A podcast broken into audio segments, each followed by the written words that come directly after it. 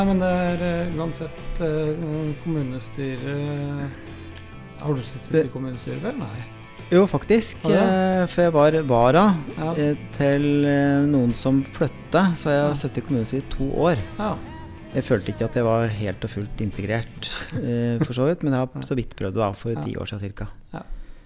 Så Og problemet er, eh, både med deg og meg sikkert, at du, når du er til stede en stund, så blir du vel engasjert i det, ja.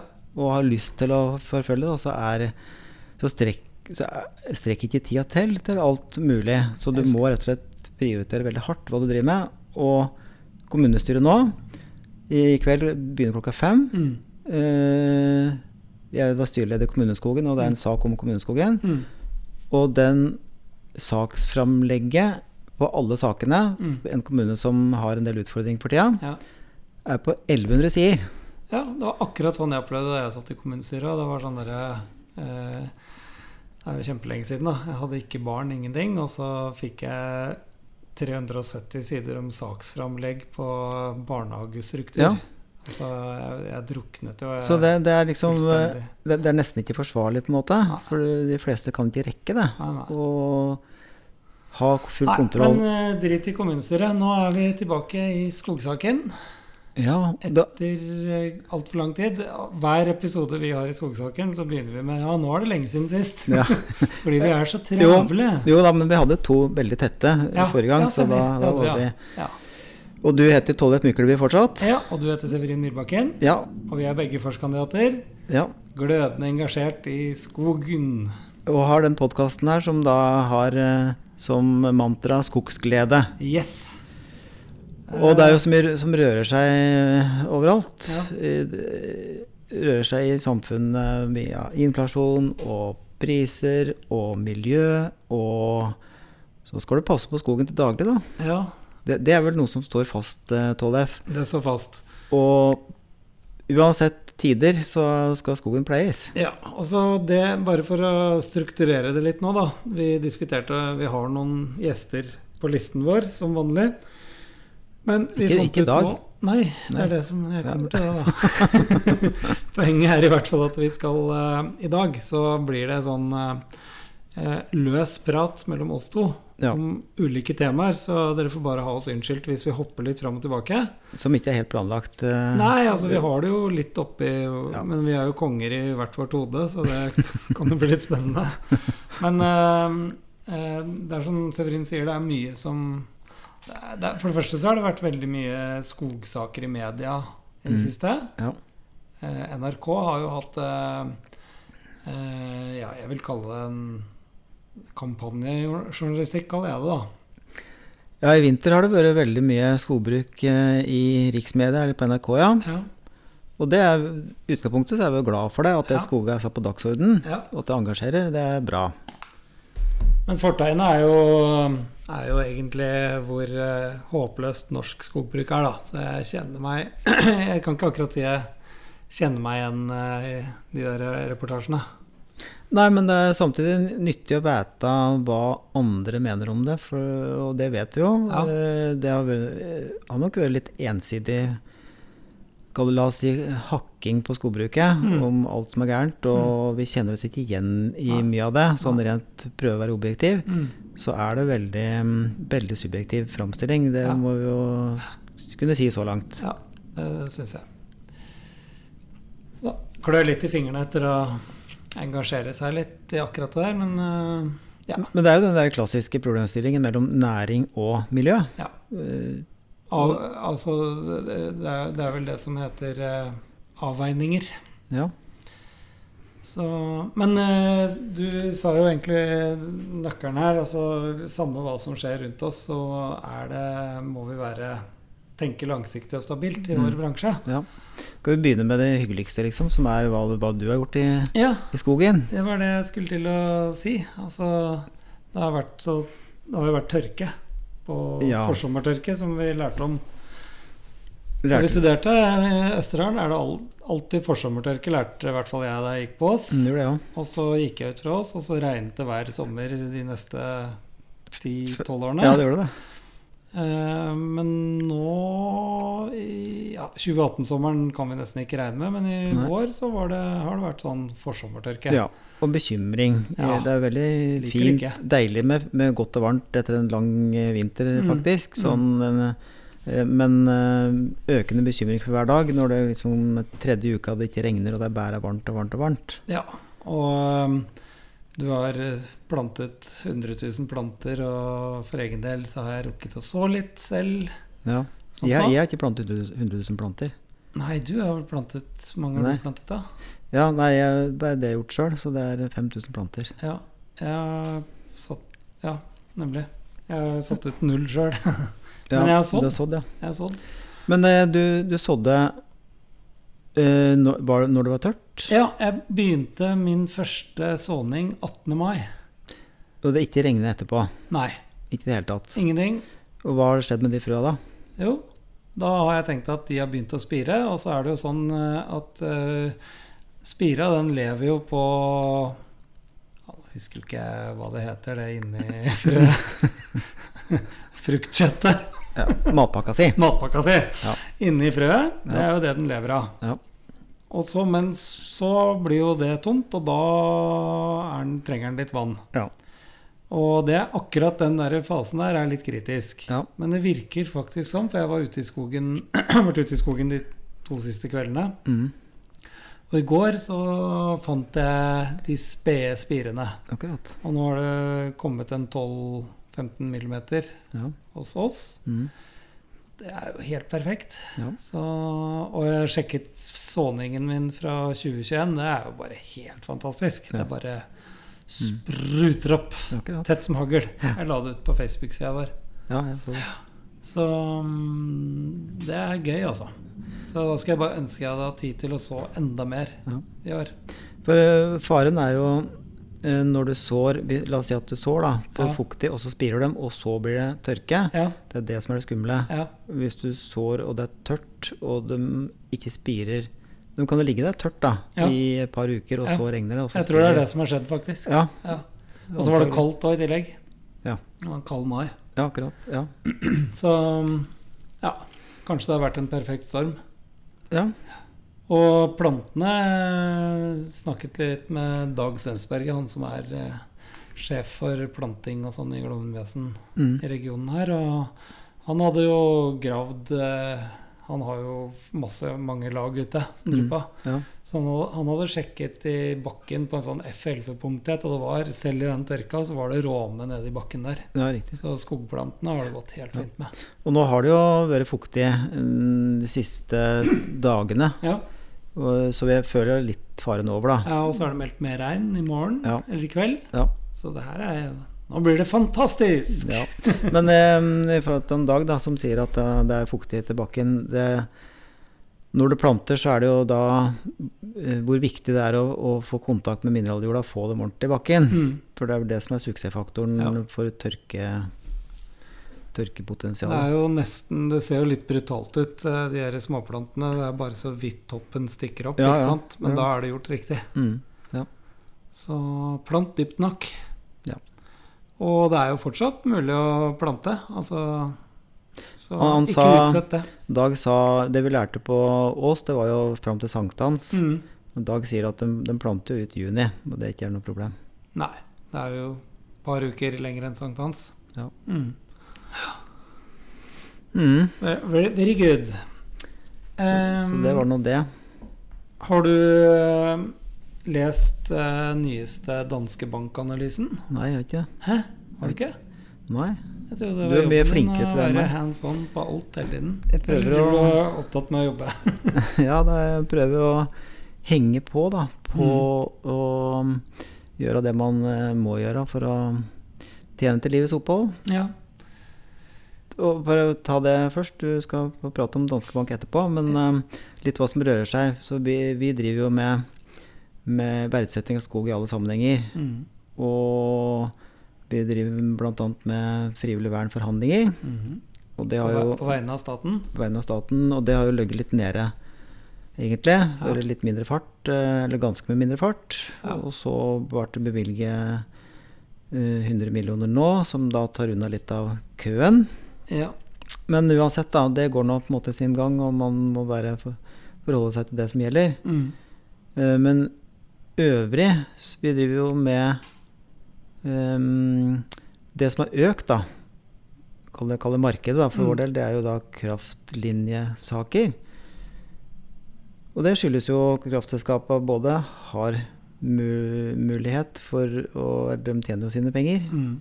Og har på en måte ingen sånne begrensninger, og at det er mer behov for Nett. skikkelig nett. Mm. Så det er jo bra. Ja. Så det er den sida. Og så har jo vi også en del sånne private oppdrag.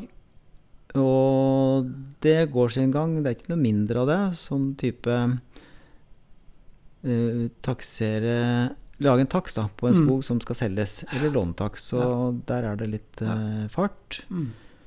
Um, Det har ikke akkurat vært eh, rolig i sånn Nei. sett.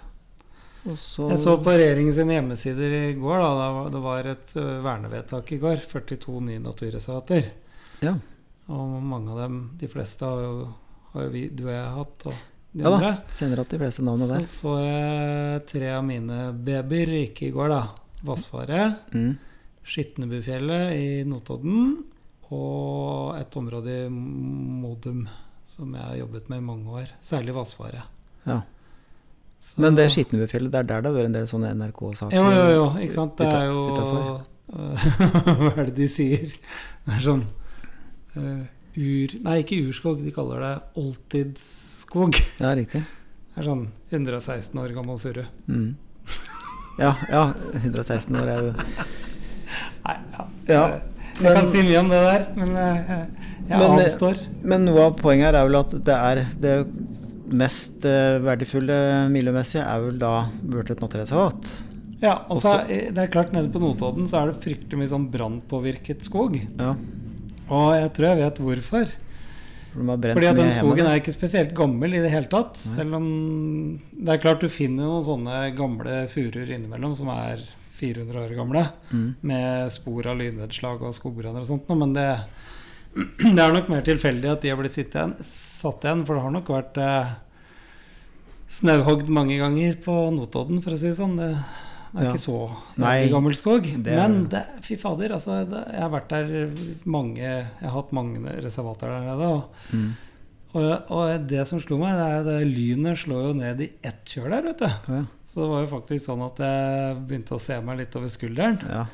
Og kom jo til og med til et tre hvor lynet hadde slått ned antagelig samme dagen eller dagen før. Det så helt brutalt ut. ja. Og da hadde det brent litt i det treet. Ja. Så jeg, jeg tror det er faktisk Det her er jo Jeg er ikke biolog eller noe som helst, men jeg, jeg har, da- har øyne. Mm. Så lyden slår ned. ja.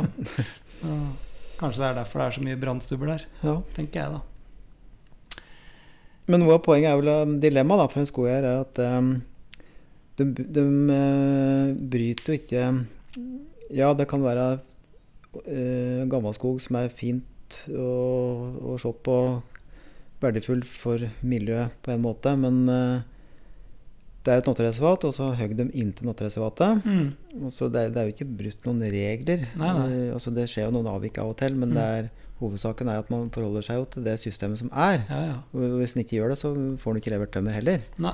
Så, men så blir det jo framstilt som om man er en lovbryter. Ja, Og det er det- som er litt sånn dumt, da. spesielt. Jeg sitter her faktisk med et blad nå som, heter, som gis ut av Økokrim, som heter Miljøkrim. Ja.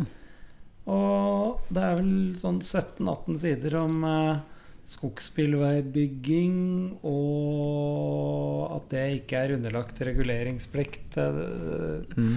det, det lyser igjennom. eh, Det er han derre Han er dosent nede på NMBU, han er jurist, da. Og, men lagmannsretten har jo liksom slått fast en gang for alle nå at det ikke er reguleringsplanplikt for å bygge landbruksvei. Ja. Men eh, sånn jeg leser den artikkelen der, så er det eh, tar både domstolen og departementet feil, da. ja, ja. Det, er jo ikke alle som er enig i, do, i dommene, Nei, selvfølgelig. det er nok ikke det. Men jeg syns det er litt spesielt at det er i et fagtidsskrift for Økokrim. Ja. Hm. Da ja. Nei, så um, jeg tror Men det er- skogsbransjen har en jobb å gjøre framover, altså. Ja da, og, men det er der igjen da at eh, noen mener at eh, det regelverket vi må forholde oss til, er feil eller for snilt. eh, Men, men de som nå bygger skogsvei uten reguleringsplan, gjør jo de er ingen lovbrytere. Nei, og så er det jo omfattende høringer for å bygge en skogsvei. Vi har jo bygd det begge to. Det er jo ikke akkurat sånn at du Det kan du ikke sette i gang med uten videre. Nei, tvert imot. Uansett. Det er full pakke, det. Ja. Eh, Så det Men eh, sånn jeg tolker den der eh, Jeg vil nesten kalle det NRK-kampanje. Mm. Jeg syns i hvert fall ikke det er veldig balansert skrevet. Eh, Det kan jo nesten virke som om eh, målet er å påvirke politikere og beslutningstagere til å endre skogloven. Hva tenker vi om det, Severin? I Sverige for eksempel, så er det jo meldeplikt eller sånn Du må melde, melde inn hogster, f.eks. Ja. Eh, Du kan jo kanskje se det positive med at du må melde inn hogst. Det er jo at da blir, du, blir flere tvunget til å bli like flinke som deg og meg da, til å planlegge. Mm. Eh, Men eh,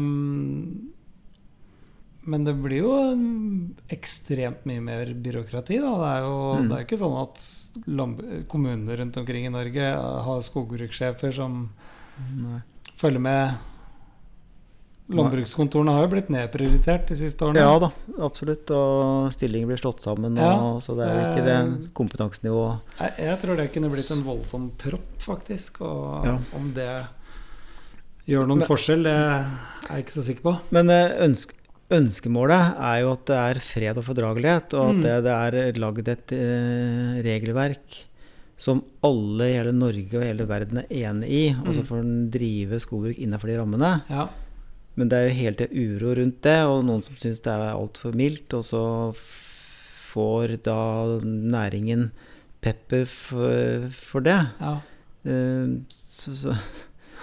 Og, men det, det er jo en utvikling, ikke sant? Eh, At regelverk blir lagd ut ifra påvirkning, og her er det veldig påvirkning fra miljøsida. Ja. Og kanskje er det riktig å ta mer hensyn til miljøet. Samtidig så må det jo drives en næring eh, effektivt. Og hvis du må hele tida ha for mange lange prosesser og saksbehandlinger og Det er også noe av problemet i Norge. Mm. At eh, vi har jo en kjempestor offentlig sektor, som, og det blir Og demokrati er fint. eh, saksbehandling er fint, men det blir kanskje for ineffektivt. Voldsomt ineffektivt. Og det er klart at eh, skulle du f.eks. hatt full reguleringsplanplikt på å bygge Ruste opp 600 meter med skogsvei som uansett ligger der som, for, de, for de fleste sakene er jo ombygging, ikke sant? Ja. Det, er jo ikke ny, det bygges omtrent ikke nye skogsveier lenger. Altså Nei. Hedmark, mye var det? I 2022 var 37 km med ny vei Ja. i Innlandet. Hedmark-Oppland. Det er jo Nei, ingenting. nei, det er det er jo så lite. Og, for det er jo et bra utbygd veinett. Og Ja. som du sier, det er jo Norges største treningsstudio. For at Ja. eh, de veiene blir jo brukt effektivt, Ja. og mye av uh, friluftsfolk. Mm. Ja, ja, voldsomt. Og så er det liksom eh, Det å ruste opp en vei blir jo liksom fremstilt som uh, miljøskadelig, holdt jeg på å si det. Ja, nei, jeg... Og når det, i framtida blir større tømmerbiler, Mm. som jo er bra for miljøet, at du får med deg mer lass og sånn, så må Og det blir mindre kjøring i skogen, fordi at uh, vi skal jo drive større arealer lukket hogst ifølge ny PFC skogstandard. Ja. Da er i hvert fall skogsbroveier avgjørende Mm. for å få til det. Fordi at det kostnadsbildet, det, det øker jo. Mm. Driftskostnadene har økt veldig. Mm. Eh, Som nå, alt annet nå snakker vi om slutt, sluttavvirkning. Hvis det er litt kjøring og litt uh, dårlig skog, så er det jo på 200 kroner kubikken. Og det Mm. er jo helt uh, Mm. Ikke drømt om, liksom. Altså, du får ikke noen sluttavvirkning uh, ja, Bruke litt, litt sånn Vi er jo i en region hvor vi på en måte har de egentlig de laveste driftsprisene i Norge. Mm. Og du skal være Det skal være ekstremt bra og kliss inntil Skogsvei, skal du få det for 123 kroner kubikken, f.eks. Ja, ja.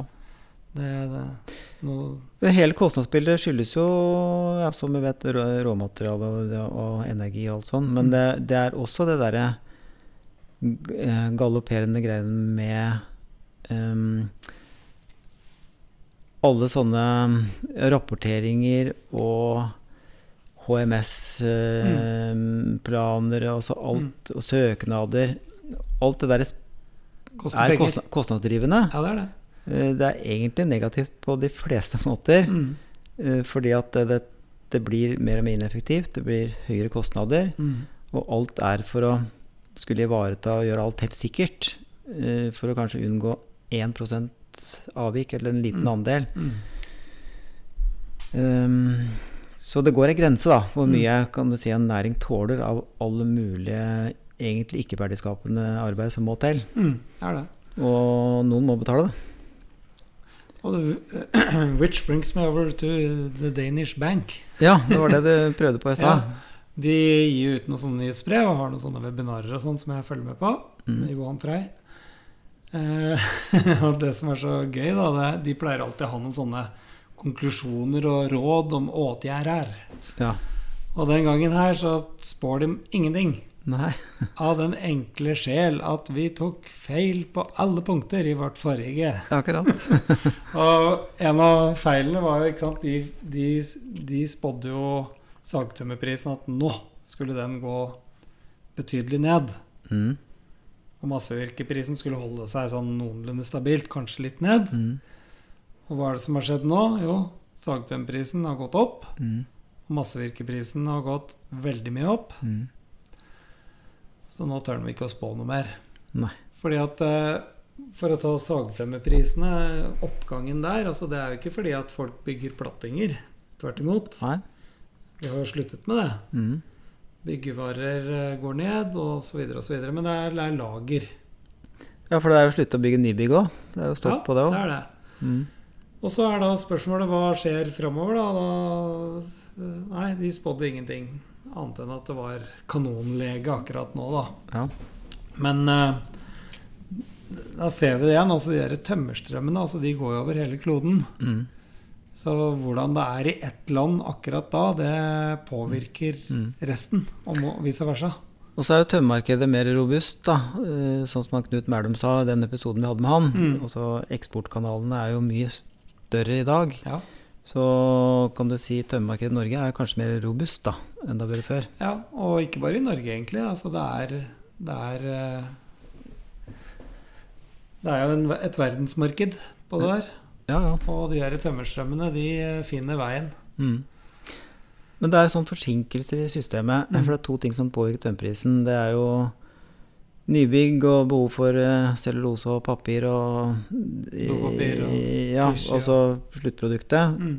Men Og det er liksom det langsiktige. Det, det må slå inn før eller senere Mm. og påvirke. Men så er det det som skjer nå, er, er lagersituasjonen. Mm. For så lenge sagbruk og industri kan drive med et positivt dekningsbidrag, Mm. så vil de ha tømmer. Ja. Og hvis tømmerlageret er lite, så må de øke prisen for å få mer. ja. Eh, og det, det er på en måte like viktig temporært. Så det er klart, når de plutselig nå øker mye, så er jo en viss fare for at det er bare når de får nok tømmer. Så går det ned. Og så nå er det bra priser, da hogger vi igjen. Og så Mm. blir det plutselig lagra fulle, og så går det ned. Ja. Den der jojo-effekten. de her sving, svingningene i tømmerprisen, de er eh, kjappere enn det de var før, altså. Ja da, når det var sentrale forhandlinger mellom Skoeierforbundet. Og Ja, Det er jo mange, mange år siden, Ja, det men eh, det, er, det er, svinger raskere. det gjør det. Men eh, langsiktig, langsiktig trenden er jo at det er et sug. Ja, Mm. at det råstoffet, som jo er fornybart, og en, egentlig en evighetsmaskin, Mm.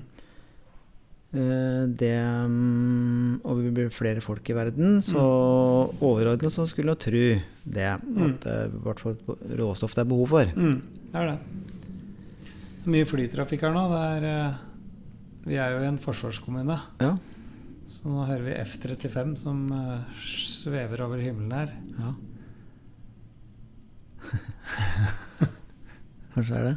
Ja, det er, F-16 er jo ferdig. Ja, ja da. Ja. Så, men eh, skal du hogge noe utover høsten, du, eller? Nei, Nei. jeg skal ikke. Nei da, jeg har en langsiktig plan Nei, det vet ikke det. Hogg litt i vinter, da. Ja. Og så, ja. Ja. Men jeg er jo ikke på ditt nivå uansett. Nei da, det gjelder jo, mange, det gjelder jo de, de fleste Ja. Det gjelder jo Ja. de fleste stadier i livet, Ja. Severin. Ja da. Men eh, det er jo fortsatt eh, gleden, enten du har eh, Det er samme hvor mye eller lite du har, så er det fryktelig morsomt å drive med skog. Det er det. Jeg, men det jeg legger merke til mer og mer Eller mer og mer, det har vi snakket om før. Men alltid når jeg er litt sånn ute i skogen, så har jeg en tendens til å oppsøke de der hogstflatene og liksom følge med på foryngelsen. Ja, Du går ikke og ser på gammelskogen? eller Nei, det føler jeg at jeg gjør nok i jobben vår. Ja, går i den der, eh, ja, det er sant det. Det er det, er det å få den hersens foryngelsen over elgmunnen, liksom. ja, Det er- det er da, det som er. Også, da er det berget, og da kan du ja, slappe av. og, og så rive seg hår over manglende ungskogpleie og, Ja. og se på Ja. Jeg har en, en eh, observasjon. ja, Det er da enkel forskning. ja. Jeg hadde en Jeg elsker enkel forskning. Ja, jeg hadde en idé for um, Jeg har hatt det de siste par åra om at um, sånne halvgamle flater som er litt hølete, men hvor uh, det du planter, da, eller det som ble forynget, kanskje er en halvmeter til en meter, men så er det litt hølete. Mm. Så jeg tenkte at det må være fint å supplere med den hurtigvoksende Foredlet Foredlet plantemateriale. Mm. Og det har jeg gjort på, på noen småflater. Mm. Altså, så, altså hull i Ja, en suppleringsplanting som Ja. egentlig er litt for sent til suppleringsplanting. Ja. Mm. Men som, eh, fordi furua vokser raskt i starten, Mm. og i tillegg det der foredle, Mm. så vil det være bra, og da vil det nå igjen. Mm. Og de få, la oss si tre-fire sånne mindre flater som de har gjort det på, Mm. det har ikke vært noe suksess. Er det fordi det blir for mørkt? Ikke nok lys? Nei, det, det kan ikke være det. For det er eh, relativt åpent. eh, Det, Når var det du gjorde det her, da? ja, la oss si fra to, to år siden og i fjor, så har jeg vært sett over dem, og det, det er rett og slett at det, noen har gått og nappet i dem. Det, det, og de er jo ikke store. Nei? De er jo liksom 10 cm. Ja. Og noen har eta toppen på nesten alle. Ja. Og så noen er bare daua. Så det, det har slått til relativt lite. Mm. Så jeg faktisk jeg hadde en stor plan om å gjøre det i litt større skala, men jeg er litt sånn skeptisk nå. Jeg er ikke sikker på om det Men er eh, plantet du det holdt på å si, rett ned i smile, smilematta, holdt jeg på å si? Ja da, men jeg var jo litt ekstra flink med hakka, da, og så flekka og liksom. Ja. Så jeg følte jo at det var en bra planteplass. ja. Og det er ikke noe lys, det er ikke noen store trær som skygger. Det er Nei. bare noen tre meter bortafor så står det gran på 75 cm, liksom. Ja, ja, nei, det skulle ikke være noe problem. Så jeg skal prøve litt mer Mm. og så se. Men uh, hvis det ikke er noe vits i, så kan jeg ikke drive med det. Nei. Så vi får se. Og kanskje er det sånn at du ikke ser dem òg. Du ser jo ikke alle. Så jeg kjørte forbi et felt i går. Jeg tenkte det her ser, ser jo ble plantet for tre år siden. Ja. Og det ser jo altså men- så går du inn der, og det, det blir gjemt i gress og løv. ja. Hadde du sett om våren, så Ja står de der, ikke sant. Så de må bare brytes Men det pleier å egentlig gå over om våren når det er, før, når det er bart, men før det blir Før det blir eh, grønt, da. mm. Men i år var det en veldig kort sesong på det. Ja. Det var snø fryktelig lenge, og så plutselig ble det grønt. det Og det var helt tatt en litt annerledes sesong, for Mm. det var heller ingen uh, særlig vårmorgener hvor det var ordentlig skare. Og, du, så den derre kjøre rundt og småpleie her og der, det ble nesten Nei, det ble ikke noe. faktisk. Nei, det ble veldig rar. Veldig rart. Uh, ja. Har du, har du ambisjoner om å gjøre noe ungskogpleie selv i sommer, eller er det Nei. Du skal ikke hogge, du skal ikke drive med ungskogpleie? Jo, jeg skal drive ungskogpleie, Mm. men, eh, men eh, jeg tror ikke jeg får gjort det sjøl, rett og slett. Det er jo en oppfordring til alle som hører på. Så det du tror du får gjort sjøl, det må du trekke fra Ja. 90 Jeg har, og jeg har lyst til å gjøre det sjøl, men Ja, det, ikke det, det er ikke dessverre helt hensiktsmessig. Men vet du hva jeg har investert i nå? Mm. Nei, men det. Det vil si Jo, du vet de derre eh, Ikke machete, men sånn der hogg, sånn som Ja. de hadde i gamle dager. Sånn der, Ja, ryddekniv. heter ryddekniv. heter Ja. det, vet du. Ja. Ryddekniv. Jeg har fått eh, ordnet nytt blad på en sånn en. Ja. Og um, jeg har bare sånn knøttlite felt med furu. Det er veldig lite. Ja. Og så er det begynner det å bli litt sånn løv som overtopper. ja. Men ikke sant, det er eh, et halvt mål eller et mål eller noe sånt. Ja. så, så da tenkte jeg det skal, by, det skal jeg gjøre selv, da. ja. Så da bare tok jeg den der hoggekniven og så bare halvkappet jeg sånn oppå. Mm. Rundt mm. Litt sånn brønnrydding, da. ja. Slervrydding, kan du Ja, kalle bare for å liksom fristille Ja, toppen på de ja, du ja. skulle til vekst, ja. Ja, så det har jeg gjort, da. Du hadde på hansker, da, ellers så fikk du høyt med vassplemmer.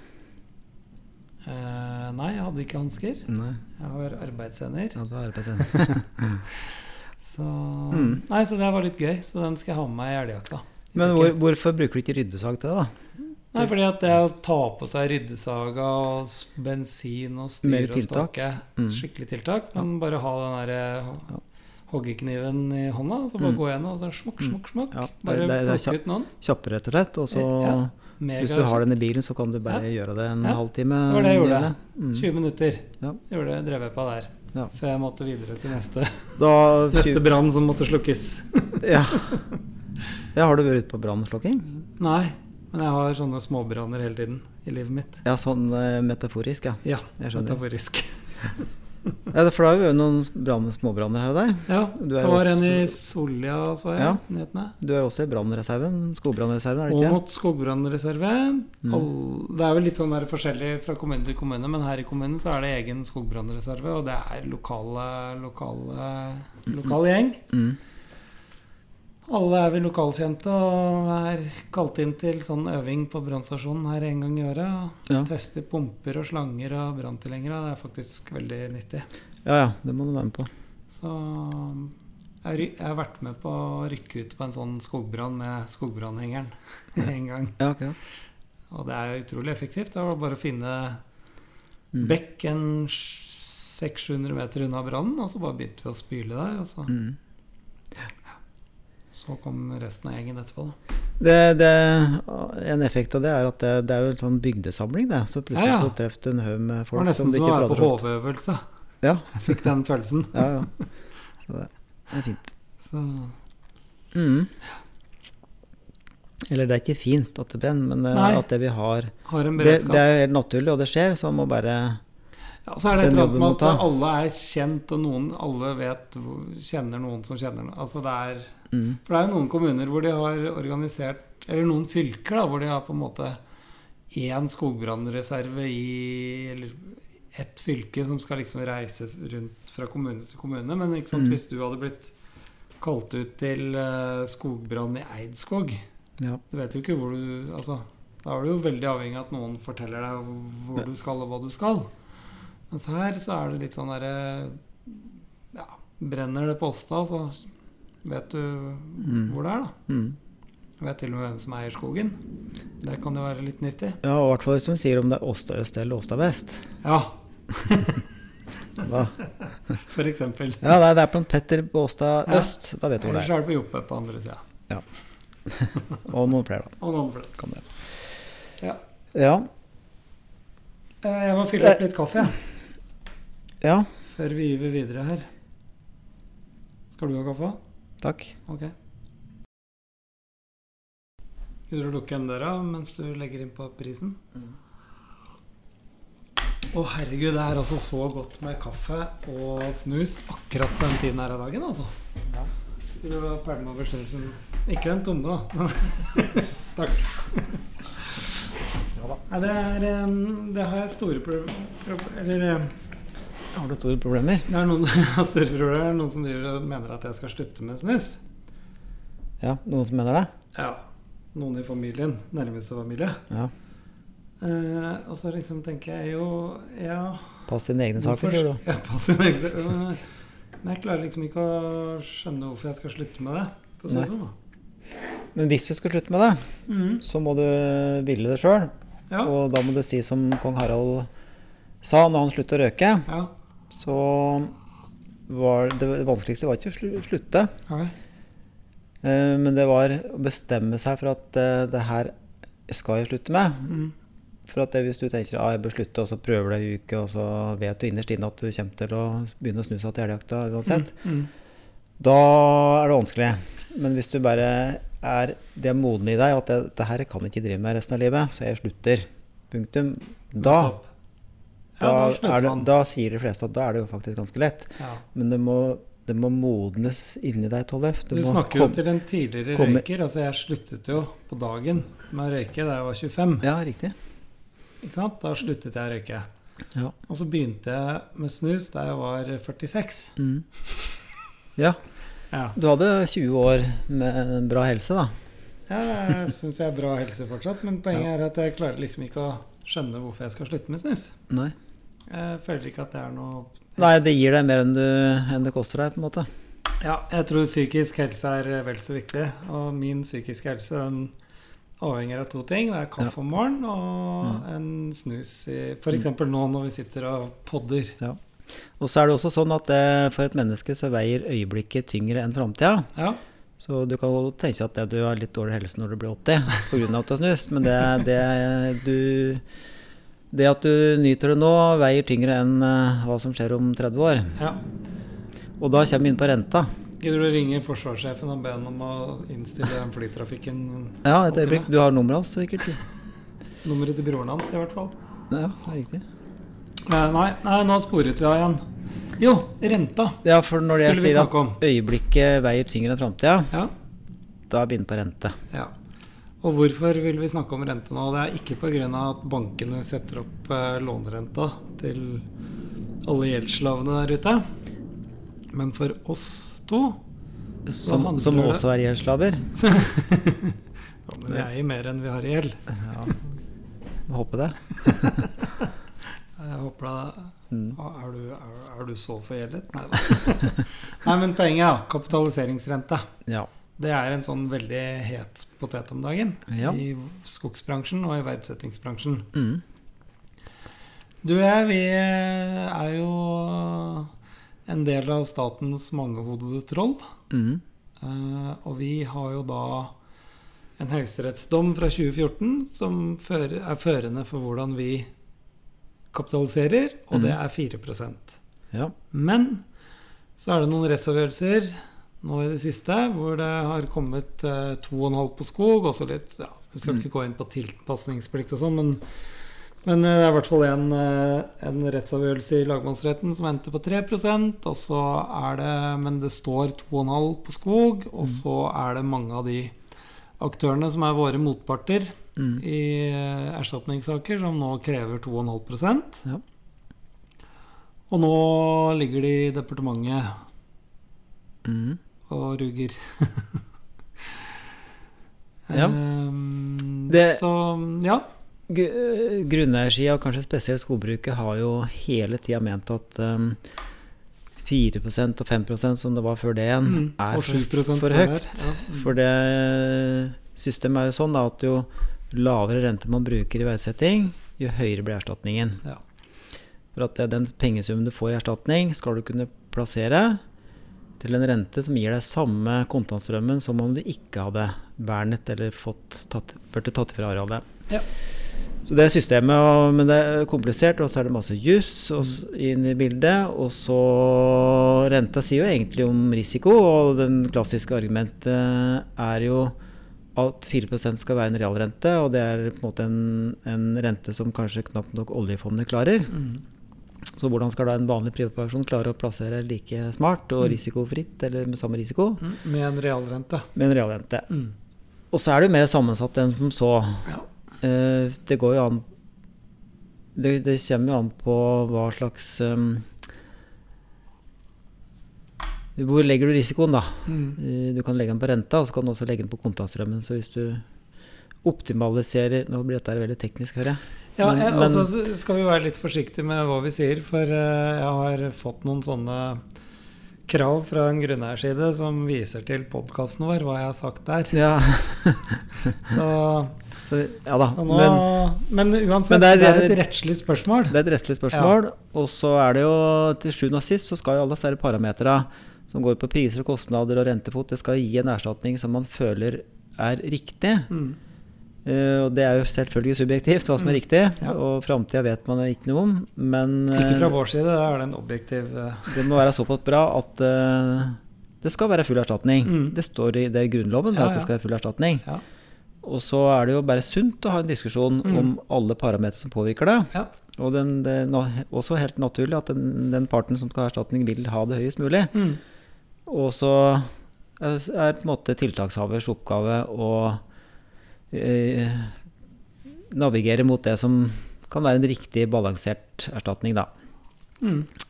Eh, Dette blir vi aldri ferdig med.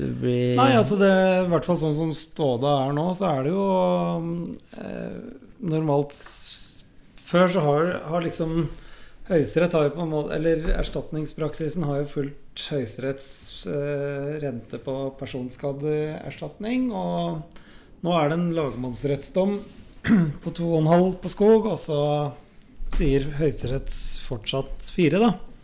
For det har ikke gått til Høyesterett ennå. Nei. Så i så fall skal den endres, så må det komme fra departementet. Mm. Det er utenfor hva, hva du og jeg får Ja, ja, nei, vi har ikke noen påvirkning på det. Nei, Så- ingenting.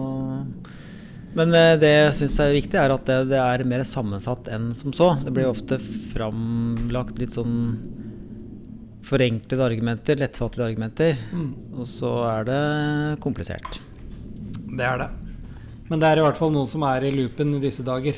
Det er det. Hva slags kapitaliseringsrente Og grunnen til at vi snakker om det, er for at vi lever jo litt i den verden, Ja. og det er liksom en del av vår vår profesjon, da. Ja, det det. Mm, så det er ikke like interessant for alle, kanskje. Nei. Men eh, det burde være det. Ja, klart det. Det fins ikke noe morsommere enn rente. Mm, Nei. Men eh, da kan vi jo snakke litt om eh, realrenta i skogen. Ja. Ja. Hvordan ser den ut nå, Severin? Du, altså, skogen vokser jo I hvert fall nå, får vi håpe. Nå har det kommet litt regn. Ja, eh, jo, det, realrenta i skogen er Og det er kanskje derfor skog også priser ganske høyt. Fordi at det, det er en ren fysisk eh, realrente. Ja. Altså skog i klasse 4-5 vokser med 2,5-3 ja. i året. Mm. Og den legger faktisk på seg 2,5-3 Og hvis Mm. du tar med verditilveksten, Ja. så er det kanskje høyere enn det. Mm. det så Jo, jo. det, det Ja. det. Så hvis alle priser og kostnader er helt faste og stabile, Mm. og skogen din legger på seg 3% i året, så er din realrente faktisk 3% Ja, det er det. Og det er en realrente. Da kan du glemme inflasjon og alt Ja. sånn. Hvis det er faste Mm. priser, den har jo isolert bort iso uh, inflasjon. Mm. Så Og hvis du kjøper deg en, eh, en aksje i noe havvindselskap eller noe tech-selskap, så er det kjemperisiko. Mm. Det kan hypes og være verdsatt kjempemye uten at det er noen inntekter i det hele tatt. Eh, Det du har- mange eksempler på det. Det- siste. Ja, det er ikke håndfast i det hele tatt. Eh, Det kan være hun derre F.eks. Elizabeth Holmes, da, som fant opp Ja. eh, USA. Ja. Som uh, hadde en kjempeoppfinnelse med å kunne ta bare én bloddråpe, og du kunne analysere hele helsetilstanden din og Mm. hele framtida omtrent. Mm. Det er ikke mye det Mange milliarder det selskapet verdt, Mm. men det var egentlig ikke verdt noen ting. Nei. For at det, den, i, i den øh, eksisterte ikke, og det var avslørt juks. Mm. Ja, det var noe sidesprang. Skog er håndfast fysisk. Ja. Det fysisk vokser 2-3% i året. Så fremt du planter og skjøtter, da. Ja, Det må du. det må du. Det vil vokse uansett, men det tar lengre tid. Ja, Det er klart, Hvis du hogger uten å plante, så vil det komme opp igjen nå. Men eh, det gjør det over lang tid, men du taper ganske mye Mm. På å måtte utsette Hadde ikke du en sånn sak nå hvor, eh, hvor, vi, hvor du dykket litt inn i akkurat Jo, også var det gikk på elgskader. Ja. At det du må utsette slutthogst da i ti år, f.eks. For, eksempel, for Ja. at det du får litt treg foryngelse Mm. Det har jeg ikke tatt med høl, men det var det å utsette hogsten i ti år Nå husker jeg faktisk ikke mye, men det var mye mer enn du trodde. ja. Så hvis du eh, forsinker fordi at du er litt sånn slurvete skogeier, Mm. forsinker omløpet med ti år, så, så betyr det ganske mye. Mm. Eh, I teorien betyr det, la oss si at omløpstid er 100 år, og du forsinker det med 10 år, så over tid så er det faktisk 10% lavere inntjening. Mm. Sånn enkelt sagt. Mm. Skal den virkelig regne på det, og omløpstid er 70 år, så blir det litt av et nyansert bilde. Mm. Annet som ikke tar huet. Ja. Men det betyr ganske mye. Det betyr mye. Du har igjen for å være på hugget, Planting og ungskogpleie, det bokstavelig talt. betyr uh, everything, Ja. rett og slett. Så det er bare Jeg husker i 2009 2008 var det ganske svart i Norge, det vil si i hvert fall siste halvåret. Mm. Og da husker jeg Helge Urstrømmen, eh, den legendariske disponenten i Glommen skog, som gjorde mye, veldig mye bra. Mm. eh, Og som i tillegg var fryktelig morsom å høre på. Mm. Han sa da på representantskapsmøtet i Glommen i 2009 Jeg klarer ikke å se svart nok på det jeg nå, altså. For da var det skikkelig Da var det Det var litt mørkt. Uh, og da fikk du omtrent panikk, og da må du hogge. Men Ja. uh, uansett, da. Jeg høgg 800 kubikk Mm. på ett bestand. Mm. Januar 2009. Ja. Og på våren, eh, i snøen nesten, så markbrette med gravemaskin Mm. og plante rett etterpå. ja. Selv Også- da det var som svartest. Ja, det gjorde det. Mm. Og så plante våren 2009. Ja. Det betyr ingen ventetid. Nei. Og, og hvis det var i granplanter, så er det til og med ventetid minus to år. Ja. Veldig bra i teorien. ja, veldig. Men poenget er at det best- bestanden er i dag helt supert. Det er i Mm. dag tolv år, og det er høyt er det. Fire-fem meter. Mm. Altså det er rett og slett et superbestand. Ja. Så hvis du hadde vært sett så svart på det, så hadde du liksom ikke gjort noen ting. Nei. Da hadde det vært eh, smyle der nå, da.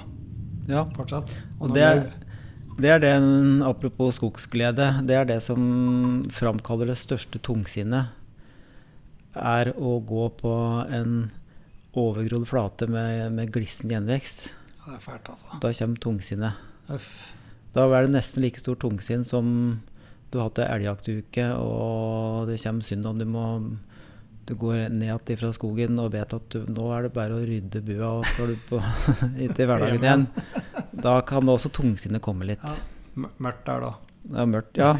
Duskregn og Sjøl gammelskog kan gi deg tungsinn da. ja. ja, helt klart. Uh, ja. Mm. Har ikke mer du skulle sagt i dag, da? Mm, nei, jeg driver bare og tenker litt på Jeg, jeg har, jeg, skal bygge en uh, ruste opp en vei nå. ja, ja. Og jeg har jo en fetisj, og det er at jeg har en gravemaskin. ja. Jeg Har du regnet på det? Nei, nei, nei, nei, det snakker vi ikke om. Nei. Det, men nå har jeg 600 meter med sånn dårlig movei som jeg skal Mm. Ruste opp. Mm. Og det har jeg ambisjoner om å gjøre grovplanering og sånn selv. Ja. Så det, det var akkurat det jeg tenkte på nå. God idé. Ja, i Nå i juli. Du som har Viggo Rønningen som nabo, så skal du, som har drevet med skogsherre i 40 år. Ja, han bygger en annen vei for meg, da. Det, Ja. det er litt mer heavy. Det her er bare sånn veldig enkelt, da. Ja. Det er eh, rett, rett strekning på en mo, furumo. Men poenget, poenget mitt da med å ruste opp den veien er jo 600 meter med, med vei gjør at jeg senker driftsveilengden med kanskje 450-500 meter. ja. Lønner det seg, da? Uh, ja, i hvert fall hvis jeg gjør det sjøl med min egen gravemaskin. Nei, men altså Det var en eh, Jeg så et sånt regnestykke hvor det var eh, Jeg husker ikke alle tallene, men det var sånn der eh, For å bruke enkle tall, da. Altså ved å bygge 500 meter skogsvei Mm. kontra å betale det det kostet lastebæreren å bære det tømmeret Mm. istedenfor å bruke penger på å ruste opp veien, så kom man omtrent til null. Ja. Ankepunktet mitt er jo at når veien er der, så er den der. Og det Mm. gir deg større valgmuligheter i fremtiden. Mm. Veien er jo ikke til for den ene driften. Nei. Så det, så Det er langsiktig. det er langsiktig. Og så vet du at Nei, jeg husker ikke hva jeg skulle si. Men det er lurt Fordi å bygge vei. er Jo, eh, det er mer lønnsomt enn før når Ja, driftskostnadene er høyere enn før, Mm, og mer differensiert på kjørelengde. Ja. Så det, det lønner seg mer i dag enn før. Ja, det tror jeg. For det har vært litt sånn tendens til at det har liksom blitt jevnet ut på flere. Men er klart uh, Mm. Hvis det blir mer riktig prising nå Ja. på skogsdrifter, så har du en vei, så skal, du, skal jo det Mm. senke driftsprisen din i forhold til naboen, for Ja. å si det sånn. Ja. Mm. ja, men det er lurt. Så det er planen min i sommerferien. Ja, men det, det er jo en annen effekt, for det er tydelig at du, du syns det er artig. Det er en slags um, retreat for deg å sitte i gravemaskina. Pur rekreasjon. Så han skal ikke glemme den biten, da. Han kan ikke regne på alt heller. Nei, jeg har ikke regnet på det heller, som du hører. Nei. Så det, Det er en ting jeg har lyst til å spørre deg om, ja. som jeg lurer litt på hva du mener, som vi egentlig ikke har diskutert så veldig mye. Nei. Um, og det er karbonbinding. Og skogbruk. Uh, det er litt sånn abstrakt, ikke sant? Ja. Vi hører om klima, og nå skal Irland skal jo gjøre masseslakt av, uh, Storfe. av storfea sine for å nå klimamålet. Mm. Og det høres jo fullstendig motsatt ut uh, av så slakte kua, liksom. Det, det er jo det da, da Som spiser gress. Ja, men sånn fra gamle dager så er jo det det nesten det verste du kan gjøre. Å slakte kua di. Ja, ja, klart det. Og kua har jo eksistert hele tida, osv. Men uansett så er det klima og det litt abstrakte, da. Med, Når du åpner Alma skogbruksplanen din, så er det første du ser, er hvor mye karbon din skog er bønne. Mm. Totalt irrelevant for deg, egentlig. For næringa di. Jeg får ikke betalt for det, altså. Nei, men uh, Da er det irrelevant. Og så er det eh, karbonregnskapet med, som nasjon. Ja. Og om det skal regnes inn eller ikke. Altså norske skoger binder 25 millioner tonn, tror jeg det er.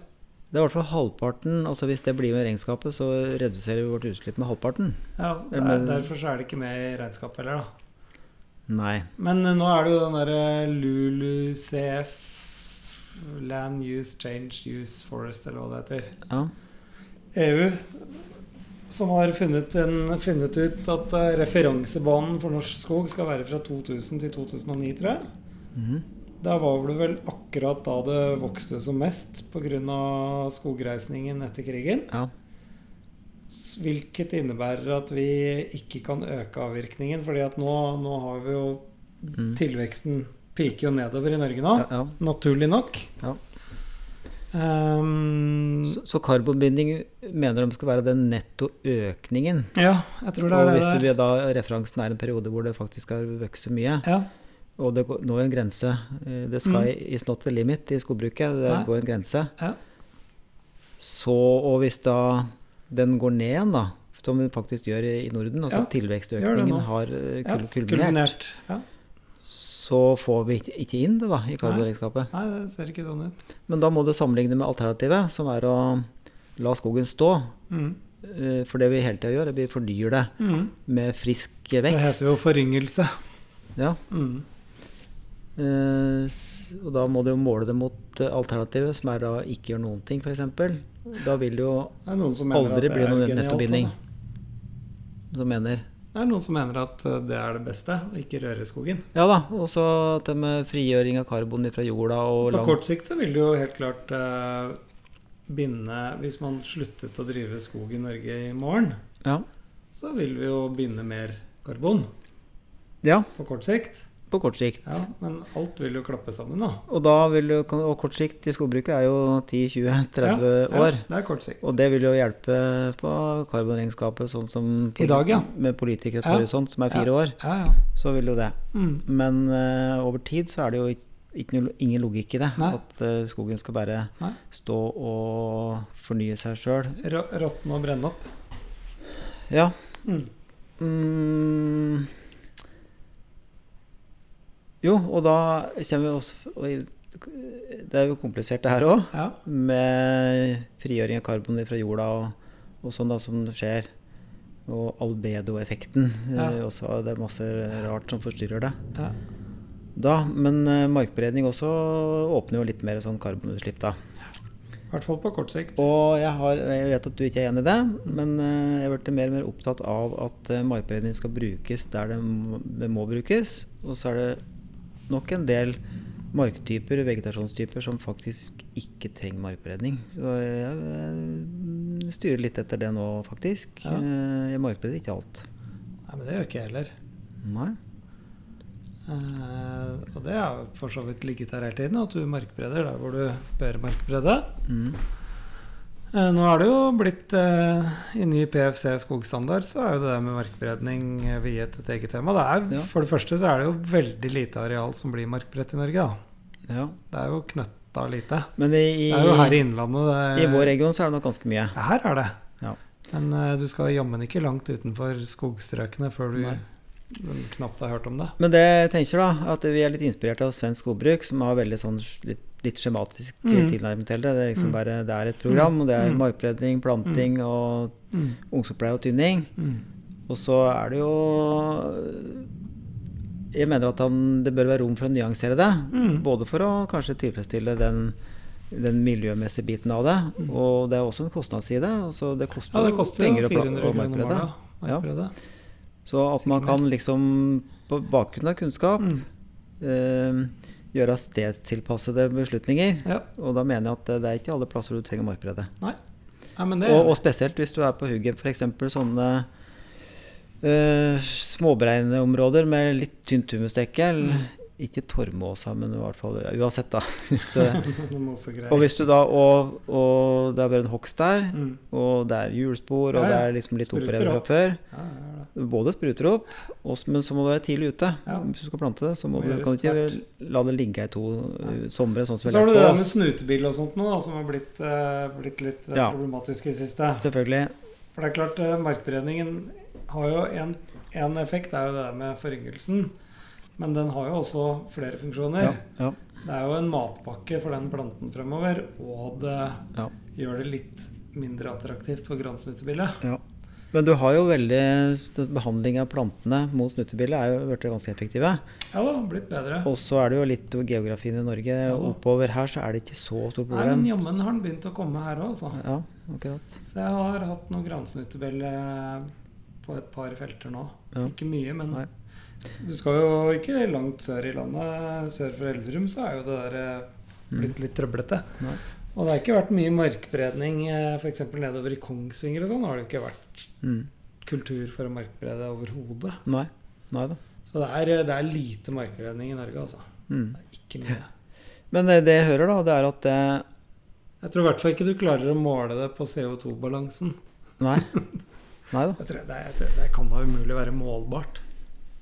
Så lite Nei, det som blir ikke å. Nei. Det er jo omtrent ingenting. Nei, altså i prosenter så er det jo Nei, sikkert det, eh, det er, svært vi snakker jo promiller.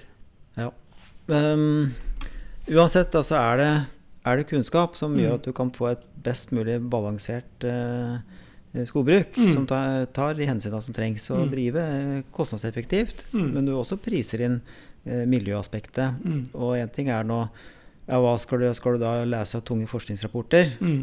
Det gjør ikke alle. Men det å følge med sjøl Hvis du hele tida er i skogen og ser hva du, Mm. som skjer med det du gjorde for to år siden, for ti Mm. år siden, Mm. og du snakker med kollegaer sånn som du og jeg gjør nå, Ja. så vil du hele tida Få bedre øke erfaring og kunnskapen. beslutningsgrunnlag, ja. Ja, ja. Helt klart. det er jeg opptatt av, da. Ja, ja, men uh, særlig det med kostnadssiden. For det er klart at eh, det å sende ut en merkbredder uh, sånn helt i blinde til eh, 400-500 kroner målet, det, det er jo Mm. penger. Så er det forskjell på um, hvis du er en vanlig gardskog som det er på en måte overkommelig å følge opp sjøl. Mm. Det er nå én ting. Mm. Er du en interessert eier da, så, så kan du jo optimalisere. Mm. Fordi at du tar det tid til, liksom. Ja, ja. Mens uh, har du så mye at det du faktisk ikke rekker over det, og du Mm. må, bare sette bort Du må rett og slett lage deg et regime. Mm. Så, er, så vil det være det riktige for den eiendommen. Ja så det er også forskjellig på det. Så er jo eiendomsstrukturen i Norge den er jo ganske oppstykket, så det er, du vil jo få den variasjonen uansett. Ja. Bare på bakgrunn av eiendomsstrukturen. Ja, absolutt. Så Mm. det er nå det. Det er nå det. Jepp. Nei, men uh, tilbake til den der eh, veien som jeg skal ruste opp, da. Ja. Det jeg skal gjøre der, det er, der er det, det er en sånn furumo med veldig mye sånn derre Ja, hva skal jeg kalle det? Prøvde seg med en slags tømmerstilling, og så ble det en skjerm, og så ble det en frøtrist Altså, det er så mye rart der nede. Ja. Så Og jeg driver jo med Du rydder opp, du nå. Skikkelig forringelse av furu. Det, det er liksom Ja. vinduet mitt nå, føler jeg. Litt Mm. mindre elg. Ja. Så, det, så jeg skal ta ut en del furu, men det blir da ikke før til høsten. Nei. Så da får vi Mhm. se hva som skjer med sagtømprisen på furu til høsten, da. Ja. Det er liksom grana som Det var en periode hvor det var litt likt. Mm. Men uh, nå er g- sagtømmer gran he- ganske mye høyere enn furu igjen. Ja. Ja. Jeg, jeg tror kanskje ikke det snur Nei. akkurat nå. Nei. Litt synd, men uh, skal man forringe skogen, så må man forringe skogen. Mm. Ja. ja, men du går en spennende høst i møte. Ja. Det Du skal jo skyte noen elger til høsten òg. Ja, skal prøve å jakte litt. Men du kan, du kan ikke spise mer enn 350 gram elgkjøtt i uka? Nei, men elgkjøtt er eh, klassifiseres som eh, hvitt kjøtt. Er det det? Ja ja, det er viltkjøtt. Det er hvitt kjøtt. Er det det? Ja ja. Så det er bare å spi du kan spise en hel elg til Ja, det er, det, men det er da bra. Ja, ja, ja. Da kan jeg da Du skal bare ikke spise ultraprosessert mat. Nei, det er riktig.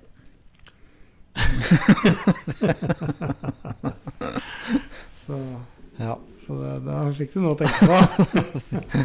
Hva er ultra Eh, I is er ultraprosessert mat. Ja, det er det sikkert. For det er mett i sånne E407 Det er tilsetning, tilsetning, som er konsistensmiddel, som gjør at isen holder seg fluffy og fin sjøl om den blir tint og. Ja, sikkert. og sånn, og så skal smake godt, da. Litt av hvert, da, vet du. Så du må ikke spise is, Tollef. Spise elgkjøtt. spise elgkjøtt. Frossent elgkjøtt kan du spise nå i sommervarmen. Apropos det, altså jeg sjekket en sånn furuforringelse som er fra 2016 nå. Ja. Og jeg så på det nå i vår, og da fant jeg en sånn barknagg. Mm. Og jeg fikk jo full panikk. Nå, nå har det gått så bra så mange år. Men så begynte jeg å telle litt, da. Det var ikke så mange stabbene. Mm. Så elgen må jo få litt mat ennå, stakkar. ja. Men jeg, jeg var der her om kvelden, og det, det, det er skikkelig gøy, altså. Se sånn vellykket furuforringelse. ja. Blir jo helt euforisk, jeg. Mm, det er bra. Ja. Så det blir en fin furumå. Komme hjem igjen og være blid og fornøyd, det er ikke Ja, like det. ja, Så du må, få, du må jo få lov til å gå enda flere skogsturer, du. Ja, helt klart. Så jeg, jeg har faktisk tenkt å så litt i kveld òg. Ja. Jeg driver med litt sånn eh, populærforskning nå. Jeg er på ene siden av veien så har jeg sådd. Ikke ett frøtre. Mm. Og på andre siden så har jeg frøtrestilling Mm.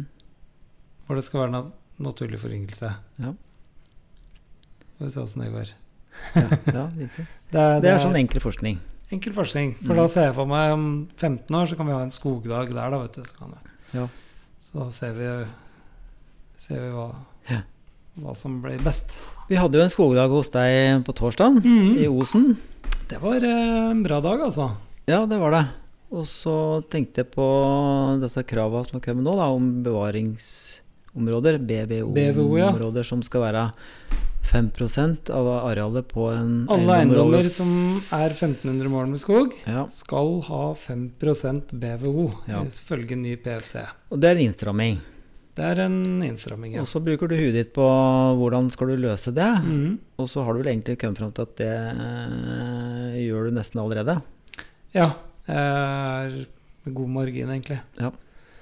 Men én ting er nå meg. Jeg sitter på en stor skogeiendom, og det er, areal, det er arealer som passer til det på forskjellige boniteter. Ja. Men hvis eh, sånn teoretisk sett, hvis du har 1500 mål med hogstklasse 3 Mm. gran Ja. Altså hver kvadratmeter er eh, Mm. ungskog, da. Mm. Da må du fortsatt fin- sette av 5% av det arealet til sånn BVO-område. Da. Da er det verre. da koster det penger. Det koster jo penger nå òg. Ja. Altså, det er jo millionbeløp. Ja da, for det, det vi så på som du du det, får, som det er null erstatning, ikke sant? det som heter så mye som Galberget, som vi Ja. var hos deg. Ja. Ikke hvor mye mål det var, 80 mål kanskje, eller noe sånt. Oppå toppen der, ja, det er nok en 150-200 mål oppå der. Ja, der er det jo gammelskog, skikte gammelskog. Ja, den grove 150 furuer. ja. Det er jo helt opplagt et område du kunne hogge med god gevinst. Ja, ja. Jeg kunne til og med hatt uh, lukket hogst der oppe. Ja. Det hadde jo egnet seg for lukket hogst. Men det velger du å la stå.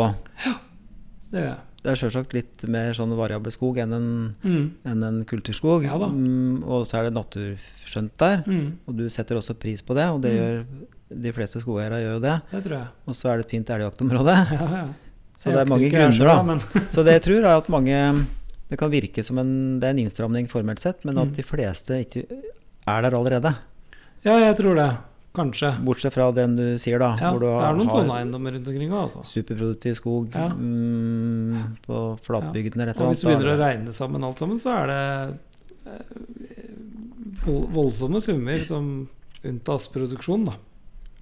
Ja, Mm. Det er det.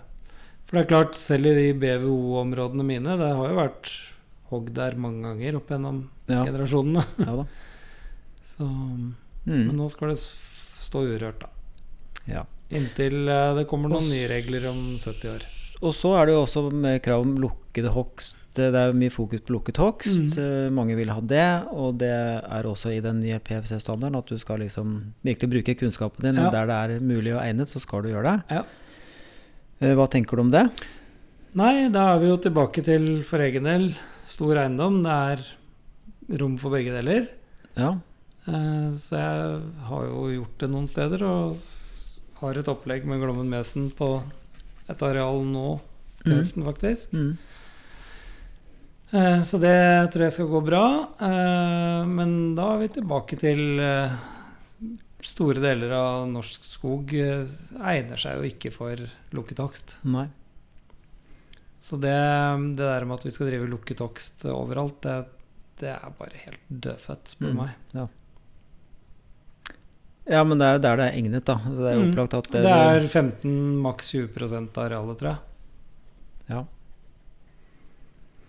Da har du flere trinn. da Du har eh, 5 som du egentlig må sette av til nesten ikke røre Mm. særlig. Mm.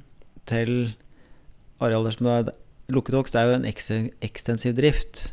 Ja, så det Så bør være i nærheten du- av veisystem. Ja, det, det er riktig. Det må nesten være det. Ja. Ellers så skal du inn og Men uansett så må du ha en, ha en plan på det. Så Mm. La oss si at du blir satt til veggs. da Ja. Eh, hva, du- hva slags strategi har du på lukket Mm. Mm. Og hvis det, du har tatt den strategien, og du faktisk ikke har noen områder som er verken egnet eller eh, sånn, Mm. så er jo det et svar, i hvert fall. Mm. Eh, Men du må gjøre jobben med å om er det noen muligheter her for at det kan gjøres på en måte som er greit og For skal du drive lukket hogst eh, 1500 meter fra skogsbladet, f.eks., Ja. det, det er et eh, litt sånn dødfødt eh, regnestykke, altså. Mm. Ja, jeg klarte å komme borti en knapp på avslutningen vår, men vi var jo egentlig ferdige. Du, siste du sa var dødfødt regnestykke. Ja, det, Det driver vi ikke med. nei, det dødfødte regnestykket driver vi ikke med. Nei. Men eh, vi tar sommerferie nå, Sefrin. Ja, vi gjør det. Så prøver vi oss igjen i august, og da er stikkordet logistikk og eksport og tømmertog, Ja. tror jeg ja. det blir. Med en gjest, ja. Ja, med en gjest. Mm. Så da tar vi sommerferie, i hvert fall fra skogsaken. Ja. Jobber litt til med andre ting. Det gjør vi. Jeps. Ja. Så god sommer, og takk for at dere hørte på. God sommer.